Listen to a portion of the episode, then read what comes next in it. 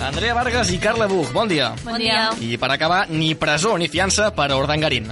Sí, Iñaki Urdangarín podrà continuar la seva vida a Suïssa fins que el Tribunal Suprem resolgui els recursos contra la primera sentència del cas no si la condemna sigui ferma. Solament haurà de compareixer el dia 1 de cada mes davant l'autoritat judicial del país transalpí, on residirà perquè no li han retirat el passaport. Diego Torres, que és el seu exsoci, encara que també s'ha beneficiat de la decisió del tribunal i no anirà a presó, no podrà sortir d'Espanya. El fiscal anticorrupció de Balears, Pedro Raig, ha sol·licitat per tots dos la presó eludible sota fiança, 200.000 euros en el cas d'Urdangarín i 100.000 per a Torres per risc de fugida, però aquest suposat no va convèncer a les tres magistrades que han jutjat els condemnats i per això, de moment, ni presó ni fiança. Andrea, quines han estat les reaccions? Tant Ada Colau com Iglesias, Montero i Echenique han proclamat a les xarxes que la llei no és igual per a tots. L'alcaldessa de Barcelona ha denunciat com els advocats s'atreveixen a dir amb total desvergonya que la justícia actua de manera justa i igualitària per a tots.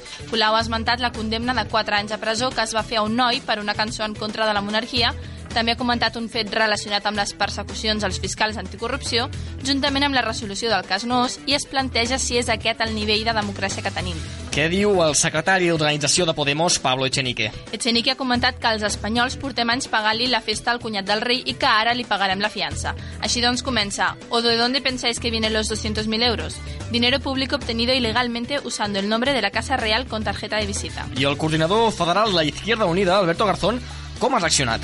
Garzón ha comparat els tirititers amb Urdangarín. La, frase clau ha sigut, vaya, Urdangarín, Urdangarín, el ladrón, puede eludir la cárcel pagando una fianza. Si llega a ser un tirititero, lo enchironan ipso facto por peligroso. Nosotros creemos que eso es intolerable, que en nuestro país no puede haber una justicia que funcione con una doble vara de medir, que funcione con una justicia para ricos muy flexible, muy laxa, muy generosa, y sin embargo una justicia para pobres absolutamente eh, crítica, absolutamente rígida, absolutamente eh, terrible.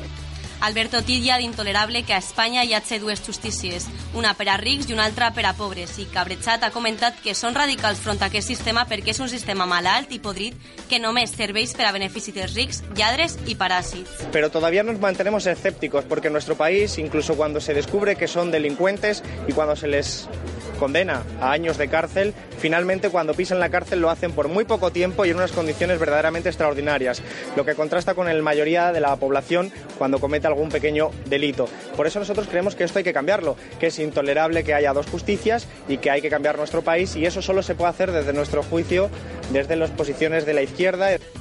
Així ha acabat el coordinador d'Izquierda Unida, escèptic amb la justícia espanyola perquè, com vegem, n'hi ha diferències prou notables pensa que solament des de l'esquerra es podrà combatre això. Ha estat una setmana força moguda amb les Black de relator Urdangarín i l'exfiscal cap de Múrcia. Doncs sí, aquesta setmana han succeït escàndols polítics amb la justícia com a protagonista. Pel que fa a l'exfiscal cap de Múrcia, s'ha fet una remodelació de la Fiscalia que l'oposició i l'esquerra judicial consideren una operació política de gran escala, segons informa La Vanguardia. Això significa proveir unes 35 places vacants, d'entre les quals es troba l'ocupació del fiscal superior de Múrcia, Manuel López Bernal. El jutge ha denunciat les persecucions fetes als fiscals anticorrupció i la manera com han sofert intimidacions i desprotecció a Espanya. En definitiva, han estat uns dies moguts en què la justícia espanyola ha aixecat molta polseguera.